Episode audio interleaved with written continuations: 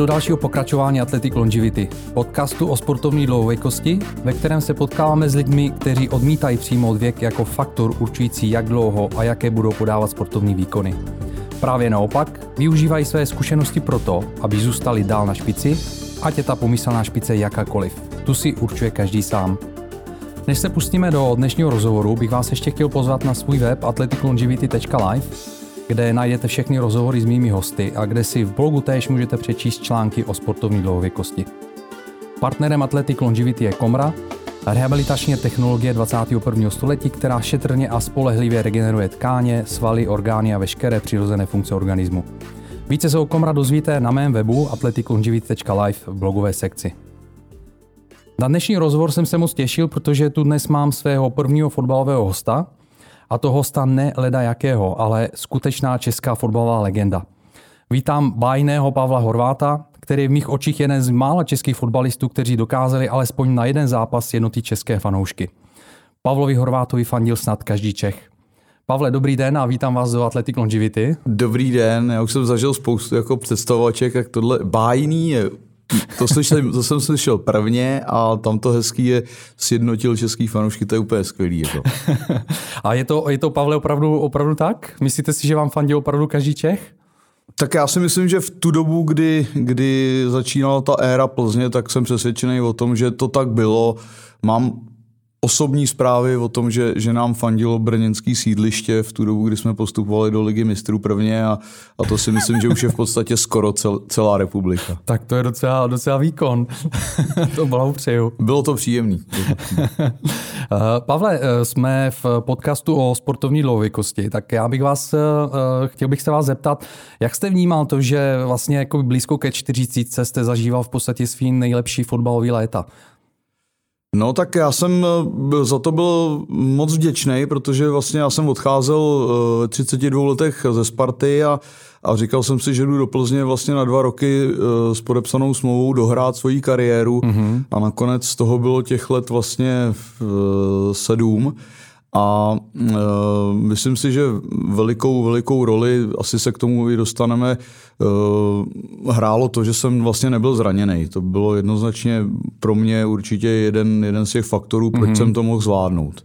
A připadal jste si jako velká výjimka v té době, že jste hrál prostě jako v 39 v podstatě pořád ještě? No tak jako výjimka, ne, mě to v tu dobu vůbec nepřišlo. Já jsem, já jsem vlastně uh, nastoupil do toho rychlíku, který který v tom roce 2009 v Plzni vyjel a a bylo to tak, jako když se ohlídnu rychlý, že, že jsem nad tím ani nestihl přemýšlet. Vlastně jsem prodlužoval uh, vždycky po roce smlouvu a, a uh, v podstatě pořád jsem se cítil, mm-hmm. cítil úplně v pohodě. Samozřejmě jsem vnímal to, že ty hráči kolem mě jsou mladší a že i protihráči jsou mladší a plní sil, ale ale tím, že, jak jsem říkal, jsem byl zdravý, eh, mohl jsem trénovat eh, v podstatě všechny, všechny tréninky, byť samozřejmě mm, možná ve svém tempu a, a mm-hmm.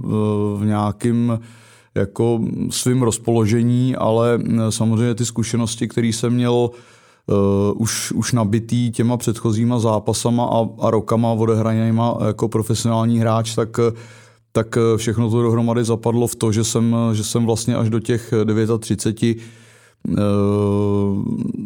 mohl hrát bez jakýhokoliv omezení. No. Mm. A proč jste skončil tím pádem, mě napadá? E, no tak já, jsem, já si myslím, že to bylo úplně jako fantasticky načasovaný, e, bez ohledu na to, k čemu se dostanu, Aha.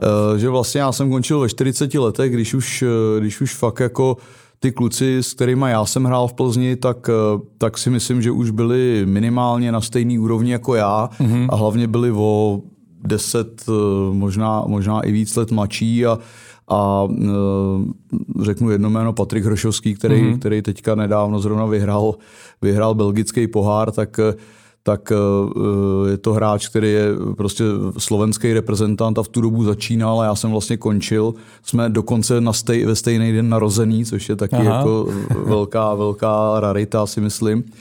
A já jsem vlastně v, v té poslední sezóně začal mít problém s kotníkem, měl jsem, mm-hmm. měl jsem, nebo mám ještě pořád zapouzřený zánět, zánět eh, vlastně v levém kotníku, Uh, trošku mě to otravuje ještě doteď a, mm-hmm. a v tu dobu vlastně, kdy, kdy uh, tak nějak bylo jasný, že budu končit, tak se vlastně ozvalo tohleto a, a uh, už nemělo cenu to protahovat, protože to bylo tak, tak nepříjemný, že, že vlastně že vlastně jsem nemohl trénovat naplno a tím pádem Jasně. jsem nemohl vlastně hrát ty zápasy. Takže byl ten kotník v podstatě. Jako kdyby nebyl kotník, tak myslíte si, že byste myslím hrál si, Myslím si, uh, že, že možná jo, protože jsem měl nějaký nabídky i z ostatních ještě ligových klubů a možná bych si to prodloužil, ale, ale uh, já jsem byl v tu dobu v nejlepším ústu a, a my, jsme byli, my jsme byli opravdu, myslím si, dobrý a ty spoluhráči mě tak vyhovovali, že těžko bych hledal někde, někde jako jiný lepší a, a já si myslím, že to vyšlo úplně parádně a, a myslím si, že to tak nějak jako navázalo, nebo já jsem potom navázal, měl jsem dostatek času se připravit na tu další jakoby kariéru, nebo na ten další hmm. život po tom, co, co skončím jako profi hráč a, a e, vyšlo, to, vyšlo to prostě všechno bezvadně. No. Já jsem tady, Pavle, měl jednoho e, svého kamaráda, e, který závodí v motokárach a ten říkal takovou věc, která mě hodně zaujala, že obdivuje sportovce, kteří prostě ve vrchu své kariéry dokážou vlastně pověsit ty kopačky nebo ty tretry prostě jako na hřebejk. Jak těžký to bylo odejít z toho fotbalu? No, tak já jsem úplně neodešel z fotbalu, což si myslím, že je velikánský rozdíl. Já, mm-hmm. já jsem vlastně, jak jsem říkal, jsem měl možnost a připravoval jsem se na to od, dejme tomu, 35-36 let, že vlastně končím. Takže já jsem se na to připravoval tak dlouho, až se to opravdu stalo a nebylo to pro mě už, uh, už úplně takový loučení, protože já jsem opravdu tu poslední sezonu podle mě odehrál jestli, jestli 4 nebo 5 zápasů mm-hmm.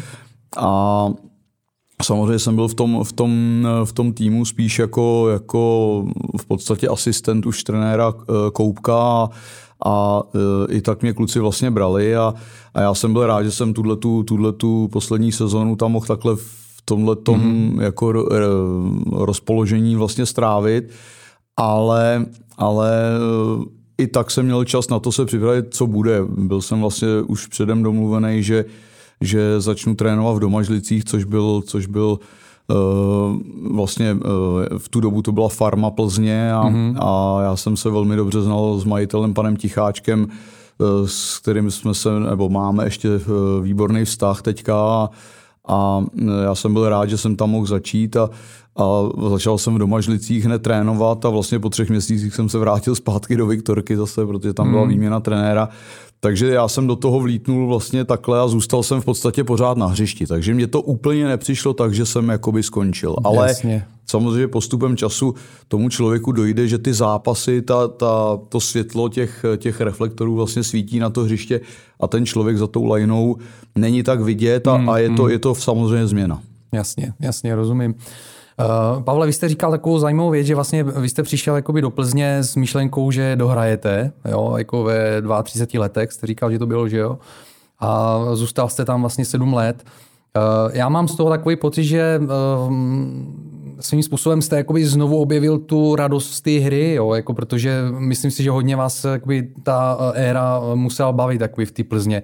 Jakou roli tam hrála právě jakoby, to, ta radost z té hry? Uh, těch pozdějších letech? Tak já samozřejmě, když jsem se na dnešek připravoval, tak jsem o, o, zrovna o této otázce hodně přemýšlel a já si myslím, že Uh, to nebylo jenom o té Plzni, že to, že to je odmala prostě. Mm-hmm, že to je odmala, mm-hmm. že, že uh, mám v sobě určitý uh, jako úplně, možná, možná to bude znít jakoby střeštěně, ale uh, takovou radost ze hry, vlastně z jakýkoliv hry. Uh, a může to být volejbal, může to být uh, Eh, zrovna jsem říkal eh, předevčírem mýmu synovi, že jsme vlastně na sídlišti hráli přes eh, ty držáky na šňůry, na mm. šňůry prádelní, tak jsme hráli takovou hlavičkovanou, že si můj brácha tam o to trošku rozbil hlavu, ale, ale prostě jsme trávili, trávili v podstatě nechci 100%, ale 90% volného času nějakou hrou o něco, o, o, to, o to, kdo si vybojuje nějaký, nějaký svoje malé vítězství. Mm. A to ve mně zůstalo až do teď, si troufnu říct, protože opravdu nerad prohrávám, ať cokoliv, i když jdu hrát teďko hokej, tak prostě nerad prohraju i hokej, který je jenom pro zábavu. Mm. Ale, ale není mi to příjemný prostě prohrávat.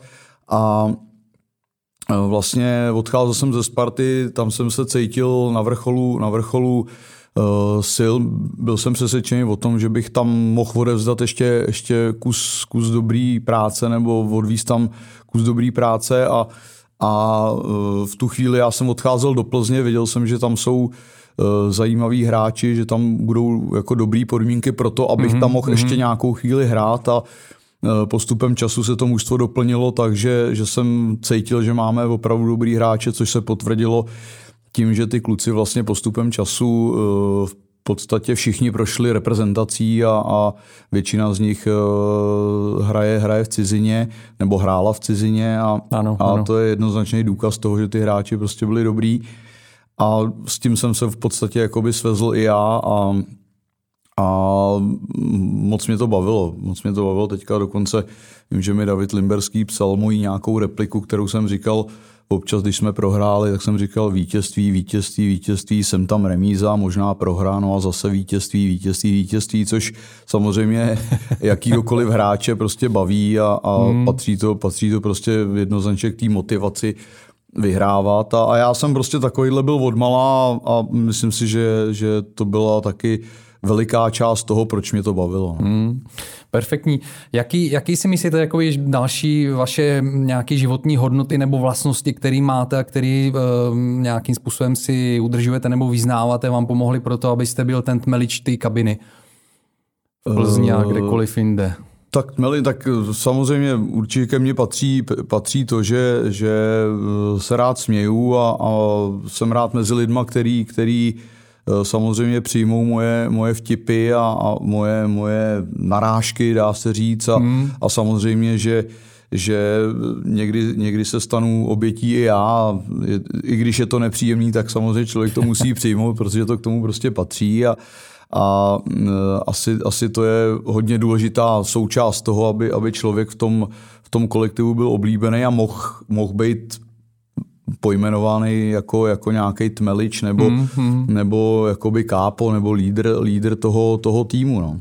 A býval jste takový prostě třeba i jako v dětství nebo No, tak já vám do toho hned skočím, protože, protože eh, určitě, určitě eh, vím že, vím, že minimálně dvakrát eh, přišla máma s tátou z třídních schůzek s tím, že samozřejmě vyrušuju v hodinách, což je jasný hmm. důkaz toho, že že uh, určitě to nebyly připomínky o tom, že se učitelka spletla ve zlomku, ale o tom, že mám nějakou připomínku k tomu, že třeba něco špatně napsala na tabuli, takže, takže to určitě, určitě bylo odmala. No. Hmm.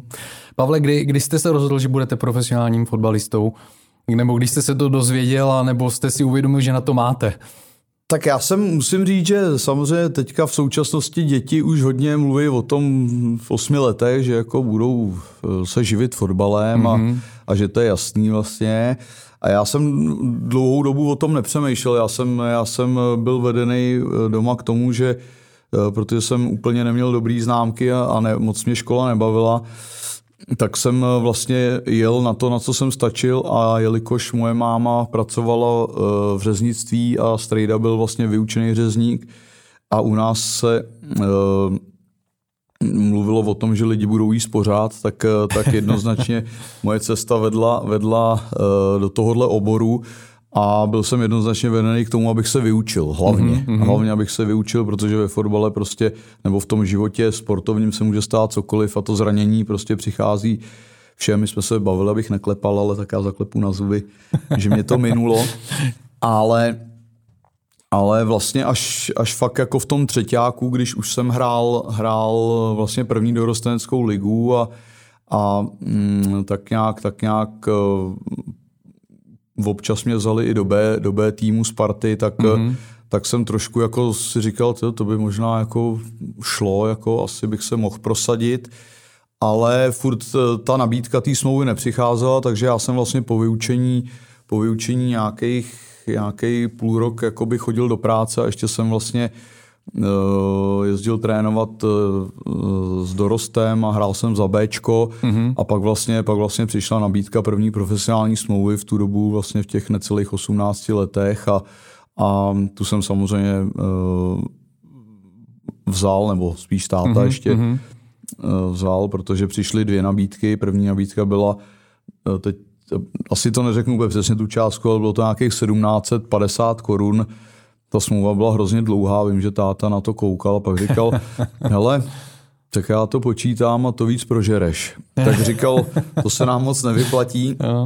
Takže jsme čekali a vím, že první smlouvu jsem potom dostal na 3,5 tisíce Eh, korun ve Spartě a že tu, tu už eh, jsem podepsal. No. To jste si už musel připadat jako chlap, který na sebe sám vydělal. No jednoznačně, samozřejmě. Mm. Tak eh, já, já teď zase nevím úplně, kolik jsem bral v tom řeznictví, ale myslím si, že to bylo něco kolem jako 2,5, 2800 a, a dostal jsem tuhle tu smlouvu a samozřejmě jsem byl, jsem byl nadšený, že jednak samozřejmě, že vydělávám víc než v tom řeznictví, kde člověk, opravdu je to dřina, musím říct, že je to dřina. Já jsem kdysi prones v nějakém rozhovoru, že určitě už nechci nikdy se vrátit k tomu, že budu stávat eh, v půl šestý ráno do práce a dělat mm-hmm. řezníka, protože uh, jsem si opravdu vážil toho, že ten fotbal můžu hrát a, a zažil jsem takový ten normální život, byť ne dlouho, tak jsem to zažil a, a pamatuju si to do dneska, prostě to vstávání, tu cestu tím metrem, mm-hmm. to, tu opravdu těžkou práci a, a, a možná proto to bylo taky tak, že jsem že jsem se možná i víc věnoval tomu tréninku, protože jsem si byl vědomý, že opravdu do té práce by to byl pro mě jako těžký život. Mm, rozumím, rozumím. Pavel, kde se, kde se podle vás jako nejvíc eh, formovala, formovala uh, osobnost Pavla Horváta, který uh, potom vedl Plzni v Lize šampionu nebo Lize mistrů proti Messimu a dalším hvězdám? No, tak uh, já myslím, že už třeba uh, já jsem vlastně z té Sparty, v který jsem byl od malinka, tak jsem v 18 letech šel do Jablonce, kam jsem přišel vlastně jako, dá se říct, hejsek pražský mezi, mm-hmm. mezi dospělí chlapy, který v tu dobu hráli druhou ligu v Jablonci a bylo, bylo zaděláno na postu. Přišel jsem tam v zimě, asi každý ví, že Jablonec je na severu a já jsem přijel do Jablonce tady z Prahy, kde nebyla ani, ani vločka. Přijel jsem do Jablonce, kde bylo metr a půl sněhu, takže to bylo takový procitnutí. Bydlel jsem tam nejdřív na hotelu, vlastně po měsíci jsem zjistil, že, že prostě na tom hotelu a dojíždět z Prahy, že mi úplně jako nesvědčí, co se týká nějakého tréninkového procesu. Mm-hmm.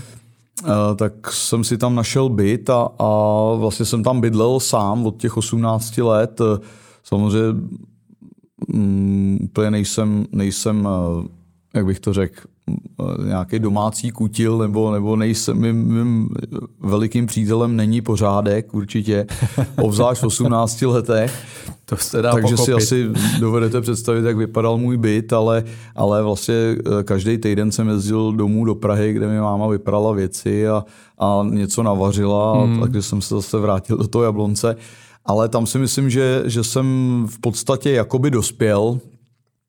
Jsem se musel eh, jakoby starat o sebe a, a zjistit, zjistit, co kolik stojí a, a kde si co koupit a, a takovéhle věci, což si myslím, že byla jedna součást toho nějakého formování. Mm-hmm. No a uh, druhá možná byla to, že, že jsem eh, měl to štěstí, že jsem, že jsem potom šel ve 24 letech do Portugalska, kde mm-hmm.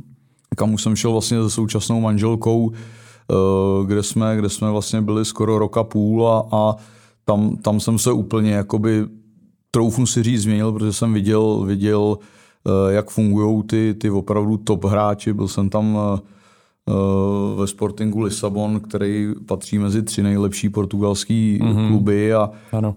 a byl jsem tam opravdu mezi těma reprezentantama portugalskými, který v tu dobu byli fakt jako fakt jako fantastický a, a bylo to hodně, hodně výborný mužstvo a, a tam jsem, tam jsem zjistil, jak funguje, funguje opravdu ten profesionální sport, že asi nebude stačit se tomu věnovat dvě hodiny denně hmm. a že je potřeba tomu přizpůsobit i, i svůj ten mimo fotbalový život a No a pak už, pak už si myslím, že už jsem byl v střední generace, když jsem se vrátil. No.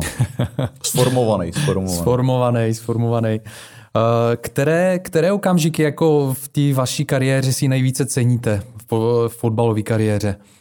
No tak eh, těžká otázka, protože těch zážitků je strašná spousta a samozřejmě na tohle neodpovídám poprvé na tuhle otázku, ale je to jednoznačně, hmm. když jsem se nad tím zamýšlel, tak je to jednoznačně to, když jsem prvně stál, eh, zrovna to bylo zase v Belgii, v Bruselu, prvně jsem stál při český hymně vlastně a hrál jsem za nároďák. Mm-hmm. Tak v tu dobu vlastně mě bylo nějakých těch 23, to jsem byl ve Slávi, uh, tak v tu dobu, v tu dobu fakt uh, mi prolítlo za tu hymnu jako hlavou to, jak jsem jakoby začínal si kopat s tátou, s dědou a, a jak jsem pak jako absolvoval třeba tu, tu práci, jak jsem, kde jsem všude začínal, na Břevnově, ve Spartě, potom, potom v Jablonci a, a co všechno jsem za, za tu dobu už zažil a, a co mě možná čeká, ale ten pocit toho, že stojím opravdu s tím znakem na tom drezu a, a že mám možnost eh, jako si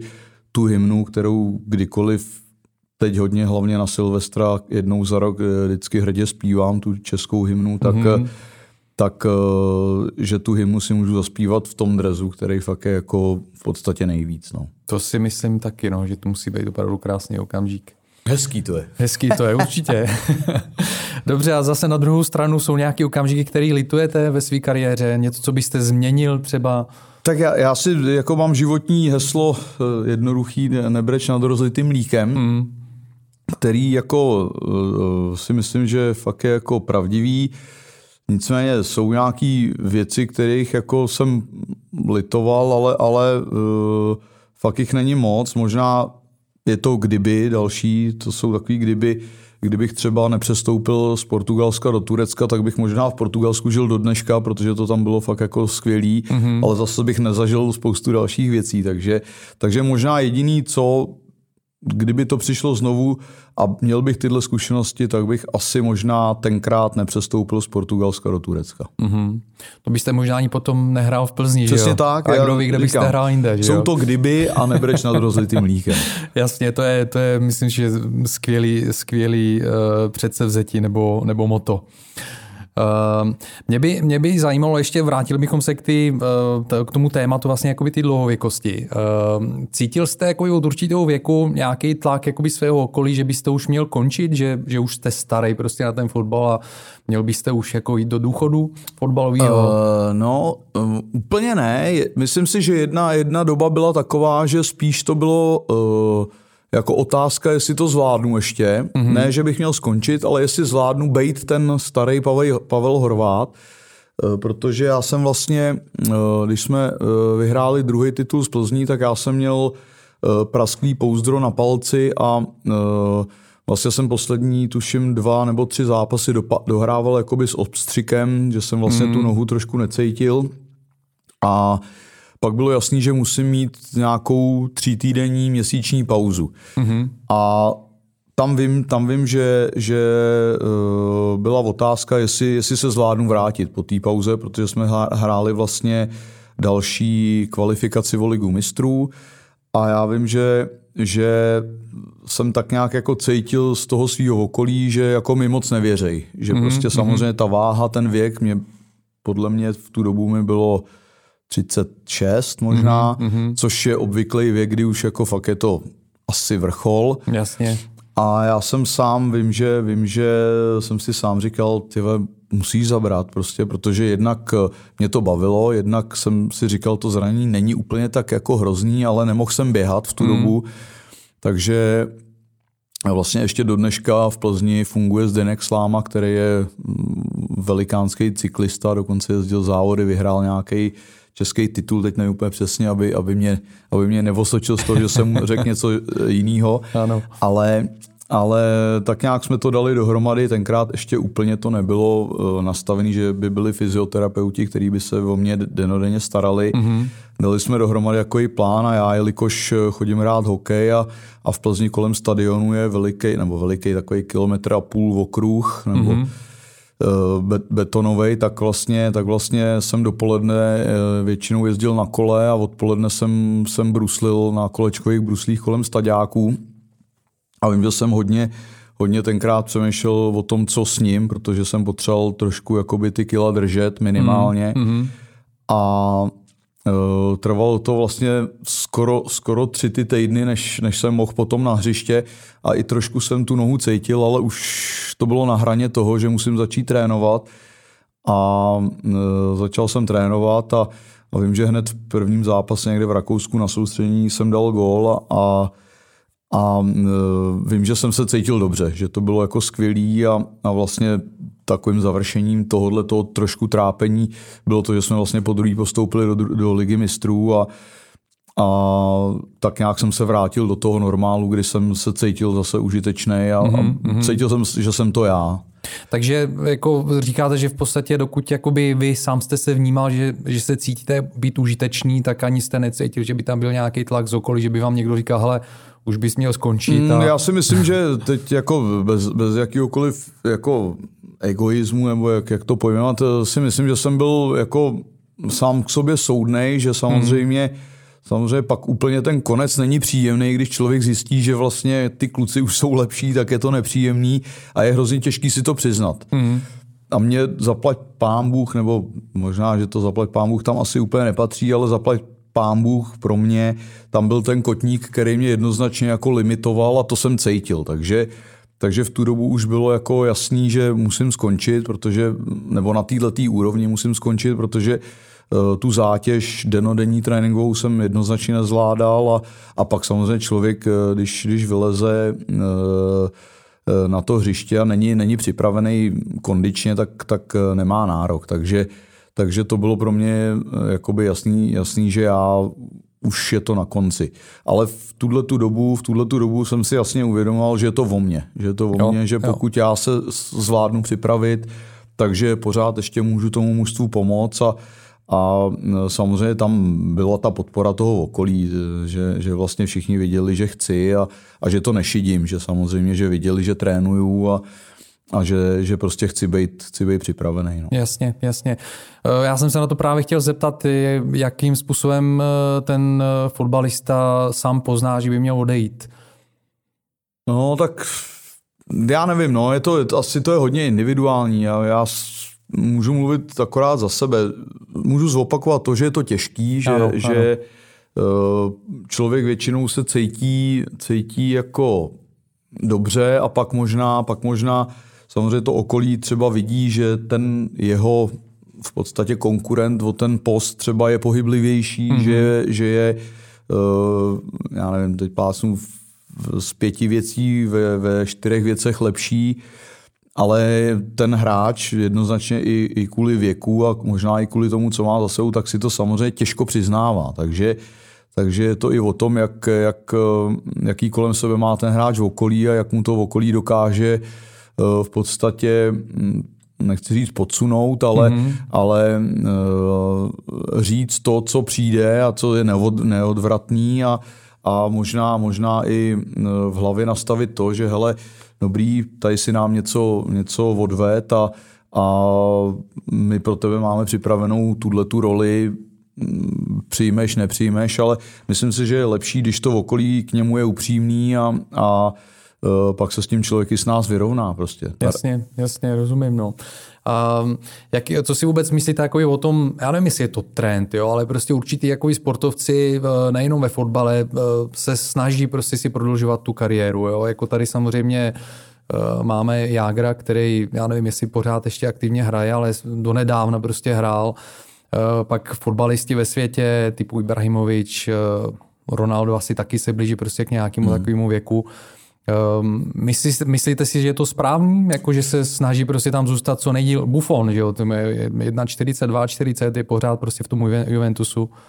Tak eh, jako ten, nebo můj názor, a si myslím, že to tak je, že eh, ty hráči prostě musí prokazovat kvalitu. Jako pokud nebudou prokazovat kvalitu, tak to okolí je semele. To je jako jednoznačný, možná je rozdíl Jardiágra. Já jsem teďka nedávno byl se podívat nakladně na těch zápasech a samozřejmě za mě. Už asi to není ten Jágr, který byl před deseti rokama, což je pochopitelný, ale pořád ještě tomu svýmu mužstvu má co dát, hmm. kromě toho, že ho samozřejmě ještě platí, takže nebo schání peníze. Takže to je taková jako úplně výjimečná situace, eh, ale, ale tyhle ty hráče, který vy jste jmenoval, eh, Ibrahimovič, eh, Buffon, prostě ty musí dokazovat tu svoji výkonnost, protože, protože jinak, jinak ty, to okolí by to prostě nevzalo. Jako, tady jsou v takovém v takovým, eh, jako týmu lidí, že tam jsou tak kontrolovaní a myslím si, že, že by jim to prostě někdo řekl. já si myslím, že i Messi už je v tom věku, kdy, kdy se budou muset rozhodnout, mm. jestli, jestli bude pokračovat nebo pokračovat nebude. Eh, Ronaldo, myslím si, že to je otázka možná sezóny dvou, kdy, kdy taky dospěje k tomu, že že už to tělo bude tak opotřebovaný, protože byť se o sebe tyhle ty lidi starají až jako neskutečně, protože samozřejmě všichni máme možnost sledovat eh, Instagramy a, mm. a Facebooky a, a tyhle ty věci, tak tam, tam je vidět, jak ty, ty hráči prostě na sobě dřou a, a podřizují všechno tomu, aby, aby mohli ještě hrát a u těchto lidí to určitě není proto, že by jako chtěli, chtěli jenom peníze, ale u těchto lidí je to proto, protože to prostě milujou a v podstatě si nedovedou představit, že bez toho budou. No. Jasně, jasně. Mě tak a, napadá... A, a to já chápu, jako. To jo, úplně chápu, jo, jo. protože, protože eh, zrovna včera jsem byl něco natáčet taky o fotbale a a kopali jsme si na hřišti a, a já říkám, já čím jsem starší a vidím bránu a míč, tak prostě musím vystřelit. Jako, jsem nerozcvičený, jsem na to nepřipravený, prostě vidím to, ten balon se najednou proti mě jakoby trošku vykulí, no a, a, a musím, prostě nemůžu si pomoct. Jako je to ten, ten, ten pocit toho, nebo ta láska k tomu, že, mm. že, že vás to prostě hned okamžitě osloví a chcete, chcete si do toho kopnout, chcete si jít na ten led, prostě vystřelit na tu bránu a, a podle mě tyhle ty hráči to mají stejně. No. Jo, jo, jako já v podstatě přesně tady s tímhle tím uh, účelem nebo prostě tady tou vizi jsem založil tady tento podcast, abych právě ukázal jakoby lidem, kteří ho poslouchají, že skutečně prostě ta láska k sportu uh, je věčná. Ten člověk uh, musí se, musí se snažit si udržovat aspoň prostě takovou, takovou formu, aby měl furt radost z toho, co dělá, aby si mohl kopnout do toho míče, když to prostě není jako na, na, na nějaký profesionální úrovni, ale prostě zahrát si. Aspoň jednoznačně, prostě... jednoznačně. Já no. ještě jenom řeknu jednu věc, že uh, možná deset let zpátky bych se smál takovým těm dědečkům, který, který vidím občas v parku, že, že vlastně už to není ani běh, ale, ale oni jdou a, mm-hmm. a jdou běžet, jako, to je prostě jako skvělý a, a jak jste tady říkal vy na začátku, eh, držet se na té špičce nebo v tom topu, aspoň tom svým, tak ano. tohle je jako Tohle je prostě skvělý. Já musím říct, že běhání jako úplně nenávidím, samostatný běhání. Teď už aspoň člověk si může vzít sluchátka a poslechnout si u toho nějakou písničku, že to trošku uteče, ale stejně mě to běhání jako nebaví, fakt mi to nebaví a jsem schopný jít si zahrát s pětiletýma klukama fotbal, jsem schopný si zahrát s 90 letýma klukama fotbal a je to pro mě úplně jako jedno, s kým vlastně ten fotbal hraju, ale, ale ten, ten, ta láska, ten, ten chtíč prostě si tam zahrát a dát si nějaký ten gol nebo někomu hezky nahrát, prostě tam je a, a myslím si, že dokud budu moc chodit, takže mě to jako neopustí tohle. super, super. Když se, když se díváte takhle zpětně na svoji kariéru, a, nebo jako na kariéru, spíš prostě jako na způsob eh, hry a jak jste se rozvíjel jako sportovec, jako atlet, eh, co byste třeba doporučil fotbalistovi, nebo co byste třeba sám dělal jinak, abyste si mohl prodloužit tu kariéru, kariéru díl? Jo, co by ten fotbalista musel prostě dělat jinak, líp, eh, vyhýbat se nějakým věcem, jo, aby prostě fakt hrál do co nejvyššího věku. No, tak eh, já si myslím, že uh, už jsme o tom mluvili trošku, to zranění je jednoznačný. Jako tam, tam prostě pokud člověk vydrží zdravotně, myslím zdravotně bez zranění nějakého těžkého, který mm, třeba opakovaně vyřazuje toho hráče na měsíc z té sezóny ano, třeba, ano. tak je to moc těžký se vracet. Já jsem to zažil prostě párkrát a, a musím říct, že v obdivu všechny ty hráče, který po křížových vazech a který po, po fakt jako dvou měsících, tříměsíční pauze začínají znova od nuly trénovat, tak já si troufnu říct, že mě tohle vlastně nikdy nepotkalo a mm a kdykoliv jsem se vracel třeba jenom po týdnu, po 14 dnech, tak mě to strašně bolelo. Jako. A nejenom, nejenom jako fyzicky, ale i v té hlavě, že člověk jako má v hlavě ty pochybnosti sám o sobě a jestli to vydrží, jestli to zase si nenatáhnu sval, nebo jestli mi neprdne zase, eh, já nevím, meniskus a takovýhle věci. Eh, a Samozřejmě teďka zase ta doba postoupila tak daleko, že, že v podstatě ty vrcholoví sportovci jsou denodenně monitorovaní a, a jsou, i jsou i mm, takové metody, které vlastně předcházejí těm zraněním, mm-hmm.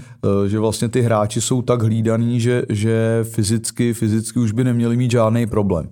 Jde o to, jde o to podle mě, eh, aby ten hráč jakoby nevyčpěl tím, že, tím, mm-hmm. že mhm. třeba bude furt hrát a Eh, myslím si, že proto ty jména, které tady padaly, Ibrahimovič, Ronaldo, Messi, eh, tak ty hráči vlastně furt vyhrávají. Mm-hmm. Furt jsou úspěšní a myslím si, že dalším tím, tím jako bodem je ta motivace.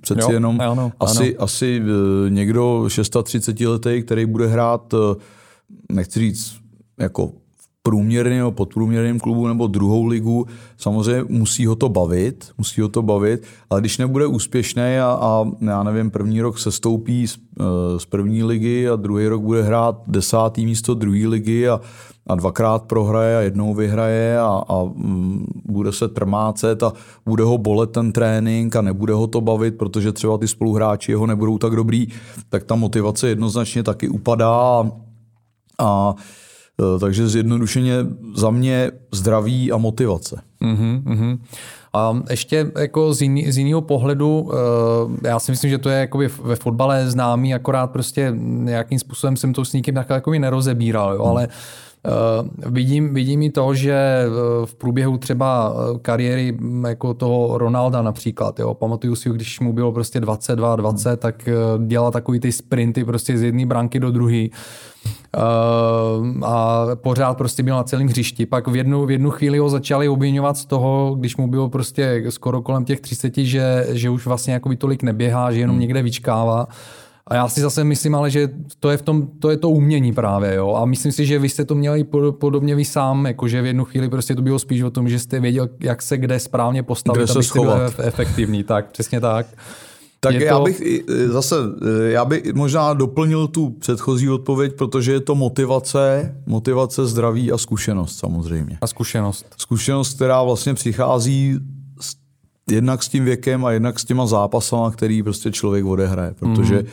Protože přesně tak, jak jste to řekl, ten hráč ve 20 letech si myslím, že uběhne možná o malinko víc, ale ale zase běží tam, kde je to možná kolikrát zbytečný mm. a ve 30 letech už prostě uběhne malinko míň, ale vždycky je tam, kde, kde by měl být. No. Já si pamatuju kor, vlastně... Kor ve 37 letech. Třeba. Přesně tak, přesně tak. Pamatuju si na, na Berbatova, který vlastně v jednu chvíli, dokonce si pamatuju tady nějaký zápas, eh, který eh, myslím, že eh, možná Bosák právě komentoval, nazval ho jako chodcem. Jo? Hmm, hmm. A já jsem říkal, že v jednu chvíli prostě opravdu jako neběhal, on se jenom pohyboval někde jako v, ve vápně a čekal na ten míč, ale když ho dostal, tak prostě vždycky střelil góla. Jasně, no.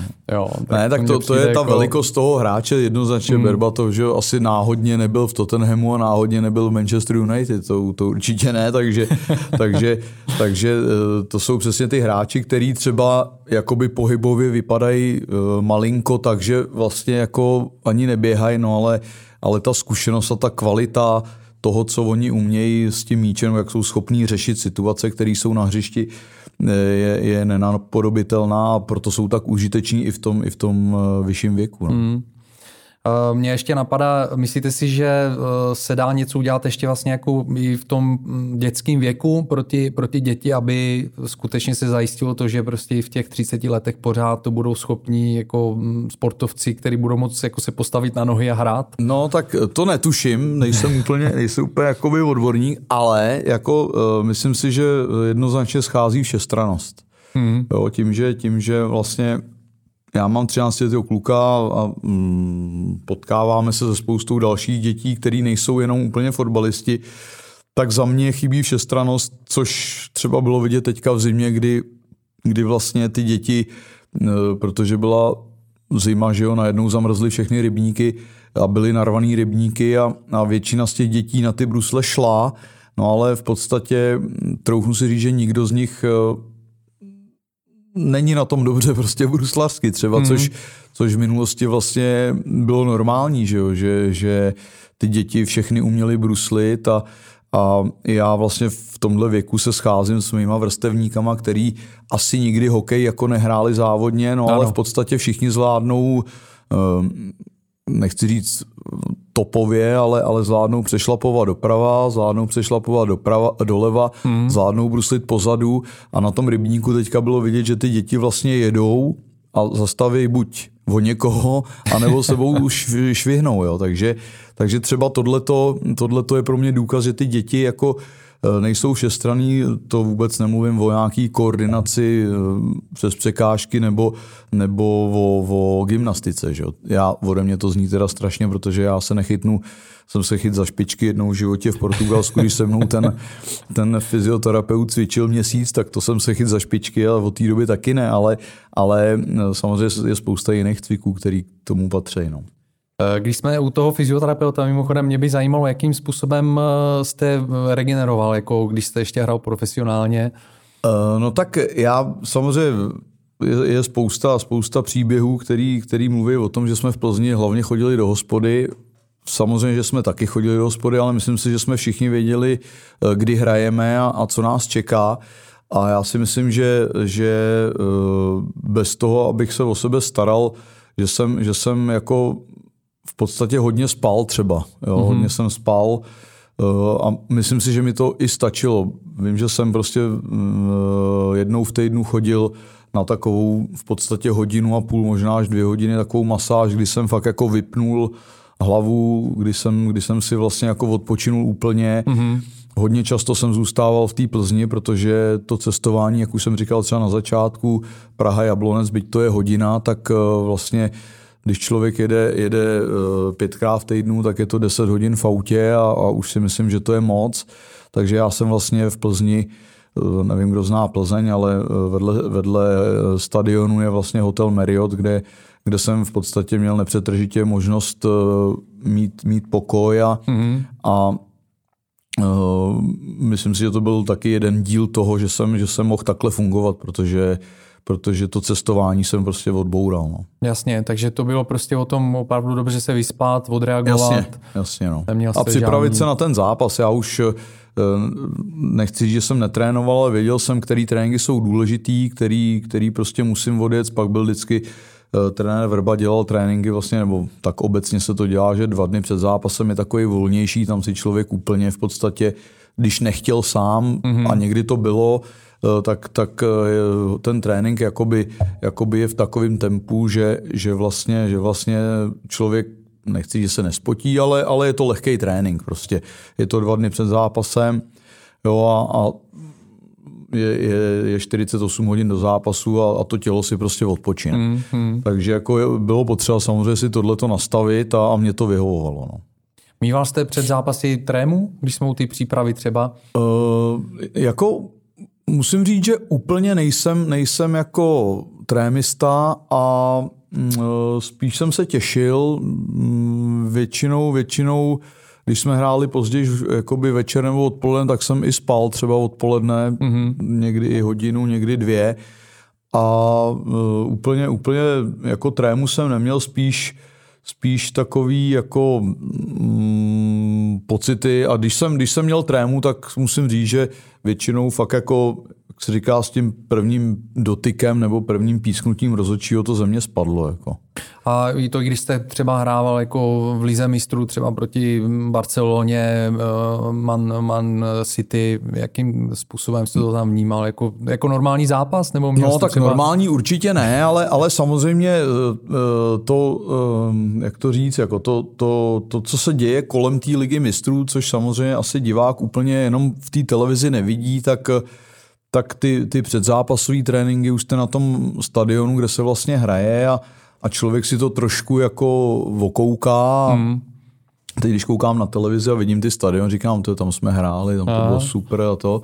A pak, eh, pak vlastně ten, ten zápas, eh, a vždycky říkám, že pak už je jenom ten, ten obdelník bílej a, a vlastně to kolem ta hra je tak rychlá, že, že eh, samozřejmě někdy stačíte slyšet diváky anebo vidět, když se něco děje eh, v nějakém přerušení, ale při té hře v podstatě nemáte šanci se, se jako koukat, eh, jestli někde sedí táta s mámou nebo, nebo, nebo známý. A, kdo se na vás dívá. A kdo se, kdo se kouká, kdo se nekouká, tak, takže to tam určitě, určitě není, ale, ale samozřejmě vnímáte to prostředí, kde ten zápas je, ale, ale není to to rozhodující. Jasně. jasně, jasně. Takže jako třeba nějaký mentální coaching nebo něco podobného používal jste někdy? No, jako já jsem zažil, zažil jako začátky tohodle, ale, ale samozřejmě musím říct, že, že v tu dobu to bylo přijímaný spíš jako, spíš jako nechci říct jako rarita nebo, nebo zbytečnost, mm-hmm. Protože samozřejmě spousta, spousta těch, těch kluků to využívala i individuálně a myslím si, že i, i třeba uh, se za to trošku styděli, že vlastně jako chodí k mentálním kouči, protože, protože to nebylo obvyklý v tu dobu, když já jsem hrál ještě, teď už je to samozřejmě úplně jinak a, a myslím si, že to není špatně. Uh, ale, ale e, nemělo by to být tak, že, že vlastně, nebo za mě by to nemělo být tak, že, že ten hráč se vlastně úplně oddá tomu, mm. tomu kouči, který vlastně s ním není na tom hřišti. Může si s ním o tom popovídat, ale aby ten, ten jako člověk, který je externě zapojený do té kariéry toho hráče, aby rozhodoval o tom, e, jak má trénovat, e, jak se má chovat v určitých situacích na hřišti, si myslím, že není úplně dobře. Takže zase je to takový, jak si to, který ten hráč nastaví a jak ten klub, eh, když třeba s někým spolupracuje, jak to mají, jak to mají nastavený v tom, že tenhle člověk nebo ty lidi, kteří se věnují tomu mentálnímu coachingu, ano, ano. Eh, zasahují do toho dění. No. A potkával jste se takhle jako s hodně spoluhráči nebo s některými, aspoň kterým mývali toho mentálního kouče? Určitě, určitě. A jak říkám, jako v tu dobu, v tu dobu teďka už je to, je to modernější, znám spoustu ano. hráčů, který, který normálně o tom mluvějí. Spíš si to ale většinou ty hráči nechávají pro sebe. Mm-hmm ale když já jsem hrál, tak samozřejmě ty kluci tam chodili, ale jak jsem říkal, bylo to braný tak, že vlastně je to jako zbytečnost, anebo že proč chodí k mentálním kouči, tak je blázen, nebo to, protože nebyla ta informovanost taková, aby jsme věděli, hele, má problém, třeba necítí se dobře před hmm. zápasem, tréma třeba, jo, jak to odbourat, to, myslím si, že to bylo hodně, hodně takový jako, jako zavřený téma. No. Jasně, jasně. Mimochodem mě teď napadlo, já jsem se vás chtěl zeptat eh, taky na to, eh, který byli nejstarší fotbalisti, se kterými jste hrál ve své kariéře. Vybavíte no já si? jsem hrál v Japonsku vlastně hmm. uh, s Miurou a ten vlastně hraje ještě teď, to je jako jako respekt velikánský. My jsme, 54 let. No, to je, to je hrozný. Jako. my jsme tenkrát, už já si pamatuju, že vlastně tam byl Ivan Hašek s Pavlem Řehákem a my jsme mu vlastně říkali interně dědeček, že jo? protože nikdo z nás jako... Tomu Miurovi, jo? No jasně, a tomu bylo 38, že jo. Ale musím fakt říct, že on jako za mě taky už na to nestačil, na první Aha. ligu. Ale, ale musím říct, že on fakt jako, on měl svýho ještě trenéra extra, mm-hmm. který ho si platil a on vlastně fakt jako denodenně dřel. My jsme přijížděli hodinu a půl před tréninkem a on už tam byl a už cvičil. Jo, a my jsme, my jsme odjížděli z tréninku, nevím, dvě hodiny po tréninku, po obědě a on ještě třeba jakoby se protahoval a doposilovával. Jako, musím říct, že na sobě makal jako fakt neskutečně a tomu bylo 38, takže mm-hmm. já si myslím, že on drží ten svůj životní styl v těchto dimenzích a že se sobě sám věnuje, protože jinak eh, já vím, že akorát, že samozřejmě jako trénuje, že nastupuje i na pár minut, ale, ano, ale ano. myslím si, že už ani jako v těch letech si jako nedovedu představit v téhle době, jak by fyzicky zvládnul celý zápas. No. Jasně, tak to je spíš asi o tom, že se je to rarita, jako rarita, to rarita udržet no. si tu raritu, no. udržet si nějaký svůj rekord. Jo, tak on byl, on byl jako opravdu eh, tam, jak jste říkal na začátku, že, že mi fandili všichni jeden zápas, aspoň eh, to, tak jemu, jemu, jemu prostě fandí všichni Japonci. Jako musím říct, že uh, já jsem zažil dvakrát nebo třikrát, když jsem s ním někam šel a to bylo prostě jako mega hvězda a myslím si, že ještě je mega hvězda, že, že jako on úplně kinul takhle jako 80 tisícovým stadionu takhle kinul jako jenom, že je zdravý a na to, jo, to byl jako velký borec, nebo je to ještě velký borec. Ne? Skvělý, skvělý. Já mám takovou otázku, Pavle, kterou pokládám všem svým hostům a Nějaká podpásovka, jo? Vůbec to není podpásovka. Je to, je to o tom, co si myslíte, že je důležitější speciálně ve fotbale, talent anebo, anebo dřina, disciplína. Jak tohle to vnímáte? Uh, no, tak určitě, určitě je to mix, určitě to nebude to nebo to. Já si myslím, že uh, ten talent je, je, je základ nějaký. Mm-hmm. Je základ. Nebo možná to budu postupem jako v odpovědi upravovat, ale, ale určitě musí mít někdo, někdo nějaký talent, aby, aby jako, teď plácnu určitě o, oštěpář asi, z kterého pak bude oštěpář, tak, tak asi uh, nebude úplně top fotbalista. Takže uh, nějaký talent uh, vrozený určitě musí mít, ale, ale pokud, pokud ten talent prostě nebude podpořený tou dřinou, mm-hmm. tou mhm. dřinou, tak nemá nárok. A další věc je, že někdo tu dřinu je schopný akceptovat a pak třeba není schopný jí předvíst na tom hřišti. Mm-hmm. A e, součást vlastně toho všeho je ten charakter toho hráče. Jako, jo? A jelikož je to týmový sport, tak je potřeba, aby to byl hráč, který je schopný podřídit svoje ego a e, svůj vlastní jako individuální výkon tomu mužstvu. To je jednoznačný musí to být hráč, který, který vlastně je schopný schopnej buď strhávat ostatní k maximálnímu výkonu, anebo, nebo být ten, který se nechá strhnout k tomu maximálnímu mhm, výkonu. Mm-hmm. Jo? To jsou podle mě jako rozhodující věci. Talent, charakter, charakter a to, to že ta, ta jako jak to pojmenoval, asi jako týmovost, prostě být, být ten teammate, prostě mm-hmm. být, být eh, sníst to, že jsem součástí toho, toho soukolí, který není jedenácti člení, co je na hřišti, ale, ale je tam řeknu CCA 22 hráčů, nějaký tři brankaři, nějaký fyzioterapeuti, nějaký trenéři, nějaký vedení toho klubu a být prostě takovej, že, že vlastně jsem součástí, ale jenom se nevezu, ale mám nějaký svůj příspěvek. No. Jasně, jasně. No mě napadá to, že já vždycky, když se na to ptám, tak vlastně mám eh, na mysli samozřejmě jakoby eh, fyzický talent, mm. ale eh, jak to popisujete, tak ono je to i o jiných talentech, jo, jako mít talent na to prostě být jako součástí toho týmu, podřídit se prostě jakoby tomu celku a tak dále, jo, že to je taky věc. No.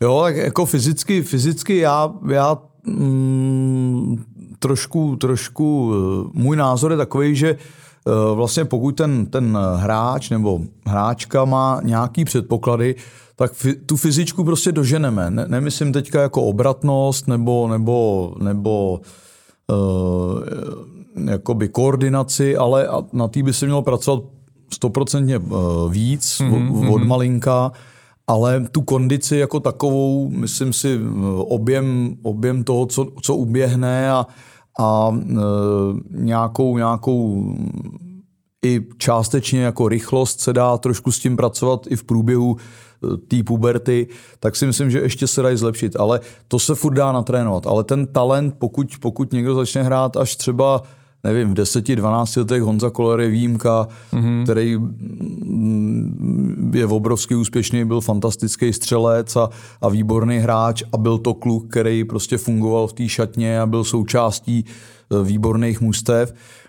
Ale to je výjimka, který, který začal hrát později a, a ano, ano. ten talent prostě dohnal tou svojí láskou k tomu fotbalu a tím, jak byl úspěšný.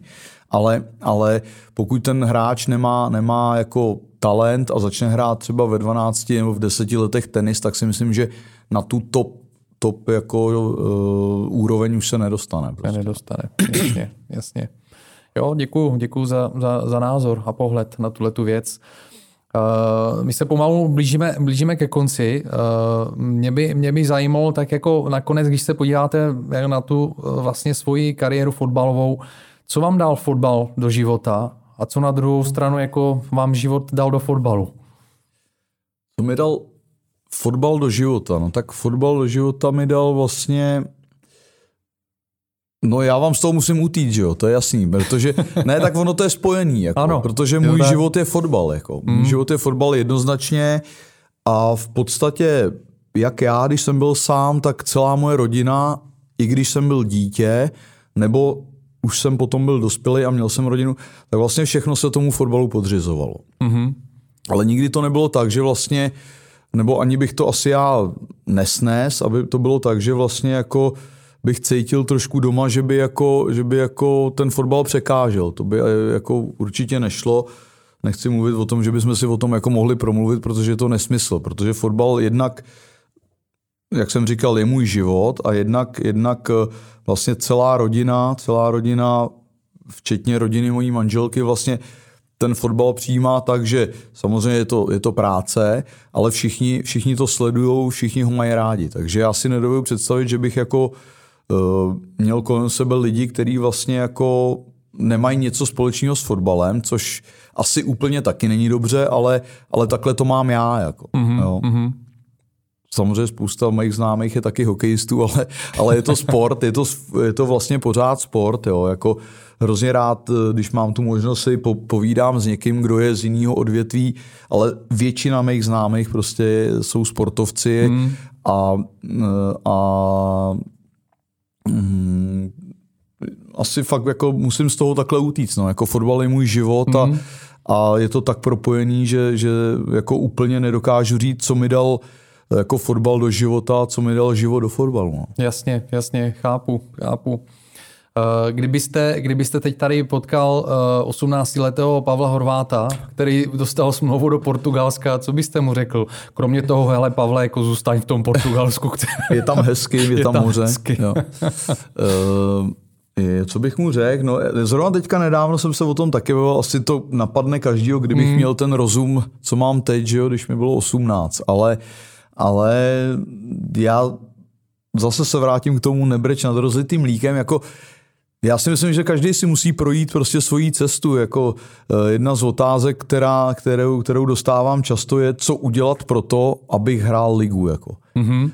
Ale není odpověď. Jako. Každý má prostě svoji cestu, kterou prostě musí absolvovat a je to cesta, která je spojená samozřejmě s tím, že ne furt se to bude dařit. Prostě budou tam jednoznačně překážky, ať už v podobě toho zranění, který vlastně málo kdo ovlivní, je to i díl náhody toho, jestli si někam nohu strčíte nebo ruku strčíte, něco se stane.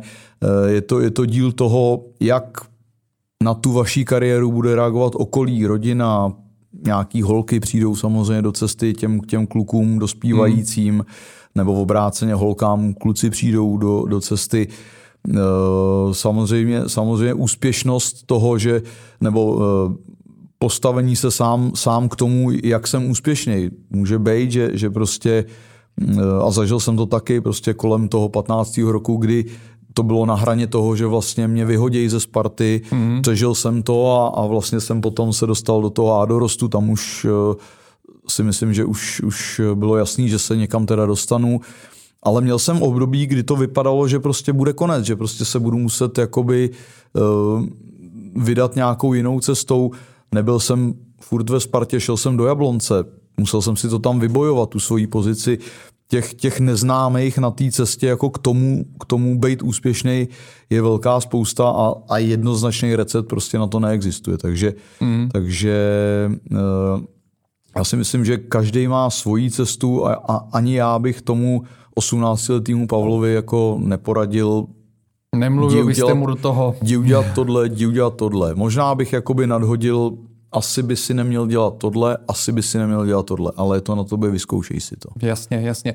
Takže věříte v podstatě jakoby v osud, v nějaký, nějakou načrtnutou cestu svým způsobem Jo, to, že každý prostě tu cestu mu svojí má. Každý sám je strujcem svého štěstí, je další teda věc, kterou často používám, ale, ale je, to, je, to fakt o tom, je to fakt o tom, že ty cesty nejsou prostě rovný. Nejsou rovný a jsou tam, jsou tam jednoznační výkyvy a má to každý nejenom ve sportovním životě, je to, je to prostě takhle a, a záleží na tom každém člověku, jak, jak prostě kde chce být, kde chce Ano, být. Je to ano, ano. kor v dnešní době si myslím, že je otázka každýho, každýho člověka osobně, kam se chce posunout, kde chce být a, a jaký má cíl. Jako, a co je schopný pro to obětovat. Mně tak přijde, jak, jak mluvíte, že vlastně jako člověk jste jako někdo, kdo přijímá vlastně jako ty, ten, ten život tak, jak přijde. No, tak já zase mám, ještě mám teda jednu zkušenost. Já vlastně vždycky, když jsem si něco naplánoval, tak se to během mm, ne noci, ale během dvou dnů třeba změnilo. Byl, měl jsem, eh, začnu tím, že jsem vlastně eh, měl jít z Jablonce, nebo byl jsem ve Spartě. Prostě ano, ano. Od malinka jsem byl ve Spartě. Vlastně přes noc jsem šel do Jablonce, jo, protože z Jablonce přišel jeden hráč do Sparty, já jsem šel do Jablonce super, pak jsem měl jít do Slávě, padlo to, během 14 dnů vlastně Slávě prohrála dva zápasy a já jsem přes noc šel do Slávě. Prodloužil jsem v Jablonci smlouvu, ale stejně se to stalo. Takhle jsem šel potom do Portugalska, ale já jsem měl jít do Belgie. Eh, majitel, mm-hmm. majitel toho klubu měl vlastně klub jeden v Portugalsku, v Belgii a uh, ve Francii. Mm-hmm. A já jsem vlastně, já jsem vlastně už byl domluvený v Belgii a během vlastně dvou dnů se stalo, že se zranil ten hráč v Portugalsku a já jsem šel místo do Belgie do Portugalska. Mm-hmm. V Portugalsku jsem měl slovu na pět let. Přijel jsem sem na reprezentaci, během e, vlastně jedné noci jsme se dohodli na tom, že přestupu do, do uh, pardon, do Turecka. Jo, jo, jo. jo. V Turecku hrůza, vrátil jsem se, byl jsem dva a půl roku v Teplicích, s Teplicem chtěl odejít, měl jsem nabídku, byl jsem, už jsem byl domluvený v Německu v klubu, který postupoval z třetí ligy do druhé. Nováček, obrovská euforie. Spal jsem na hotelu v Německu, zvonil mi telefon, Ivan Hašek z Japonska mi volal. Já říkám, já jsem tady domluvený, teďka jsme se, dneska jsme se domluvili, zítra se jdeme podívat na byt tady. Jo, přes noc se to změnilo prostě. Mm. Jo, v Japonsku jsem chtěl další, eh, bavili jsme se o prodloužení smlouvy, přiletěl za mnou můj uh, agent Ondra Chovanec, uh, vlastně, vlastně uh, Pepi Chovance, uh, ne sourozenec, ale bratranec. Ano, ano. A, a uh, říká mi, hele, chtěli by do Sparty. Já říkám, no, já jsem tady spokojený, to prostě jsme bavili, no samozřejmě dva telefony s Michalem Bílkem, s trenérem, s Pepou Chovancem, no a já jsem vlastně se během dvou dní zabalil, manželka tam ještě zůstala měsíc, aby to všechno zabalila a já už jsem byl tady ve Spartě. Jo, takže, takže já jsem si vždycky něco naplánoval v tom sportovním mm. životě a všechno se to změnilo, takže, takže i já to beru tak, že, že jako teďka, teďka mám nějaký svůj osobní plán, mám volno vlastně, no ale může se stát, že za dva dny mi někdo zavolá, hele, teď fakt jako plácnu, pojď trénovat do Třince a já, já si řeknu, mě to zajímá, no a budu, budu třeba žít dva roky v Třinci, takže to všechno se může stát, takže já to beru fakt tak, jak to přichází a, a vlastně mě to i baví. Mě to i baví, že nemám stereotypní život, že mám uh, i možnosti se sám rozhodnout a a je to můj život a, a není, není rovnej, není rovnej, no. No mě tohle to teď jako mi uh, připomnělo, jak říká Bruce Lee, be like water, my friend. Jo, jo. jo to, je, to je přesně ono a přijde mi, přijde mi že to je taky jako docela um, i důležitý faktor na to, aby, aby člověk opravdu uh, někde neustrnul. Jo, mám pocit, že z toho přichází ta schopnost prostě se přizpůsobit jo, a třeba právě hrát i do těch 40 letech, jo, protože člověk prostě se přizpůsobí, dokáže přizpůsobit tomu životu. Ty změně, no. Přijde, ty změně, změně. No. Hmm. To mi přijde jako uh, dost, dost důležitý v životě. Jo, aby se člověk nezasek někde. Souhlas. Souhlas. Pavle, poslední otázka a nakonec. Eh, co byste doporučil lidem, posluchačům, kteří si chtějí prodloužit eh, nejenom jako profesionální kariéru, ale obecně prostě aktivní život, zůstat jako na té své špici co nejdéle a no, to, to, udržovat si formu. To už, to už fakt zní jako, že jsem starý teda, ale abych já radil. No dobře, tak já, já jako, já si myslím, že uh, Měl jsem no. i mladší, který jsem prosil o to, no, aby radili. No ne, já, já beru, jako tam, tam to zaznělo, jako já si myslím, že každý z nás, každý z nás, a je jedno, jestli mm, je nám 20, 30, 40, 50, 60, 70, 80, manželka má 90 letou babičku a e, vlastně každý z nás by měl mít nějakou, nějakou metu před sebou pořád. Pořád bychom si měli dávat nějaký cíl, já teď hubnu třeba, protože fakt už jsem se necítil dobře, hubnu prostě. Myslím si, že asi bych si mohl koupit větší věci, určitě. No ale, ale zase je mi líto nechat ty, ty věci, do kterých jsem se vešel před dvouma rokama teďka ve skříni, protože jich mám celkem dost, tak, tak hubnu. Jako na, našel jsem tu cestu, prostě jsem se rozhodl a, a jako chci. Jo, takže najít si nějaký cíl, najít si jako způsob, způsob, eh, jak to udělat, no a, a nehledat věci, jak to neudělat. Nebo důvody, proč to neudělat. Najít to, jak to udělat, spíš než jako se smířit s tím, že to nejde. No. Děkuji Pavle moc krát za návštěvu a za rozhovor. Bylo Já děkuji za pozvání, děkuji za pozvání, výborný. Přeju hodně štěstí do budoucna. Hlavně, Ať se daří hlavně jsme zdraví a děkuji. Přesně tak, díky moc. Mějte se hezky, naschánou. Naschle. Děkuji, pokud jste si poslechli tento rozhovor až do konce. Mrkněte na web athleticlongevity.live, kde najdete další zajímavé rozhovory o sportovní dlouhověkosti, nebo si podcast vyhledejte na Spotify, Apple Podcast nebo Google Podcast a určitě se přihlaste k odběru.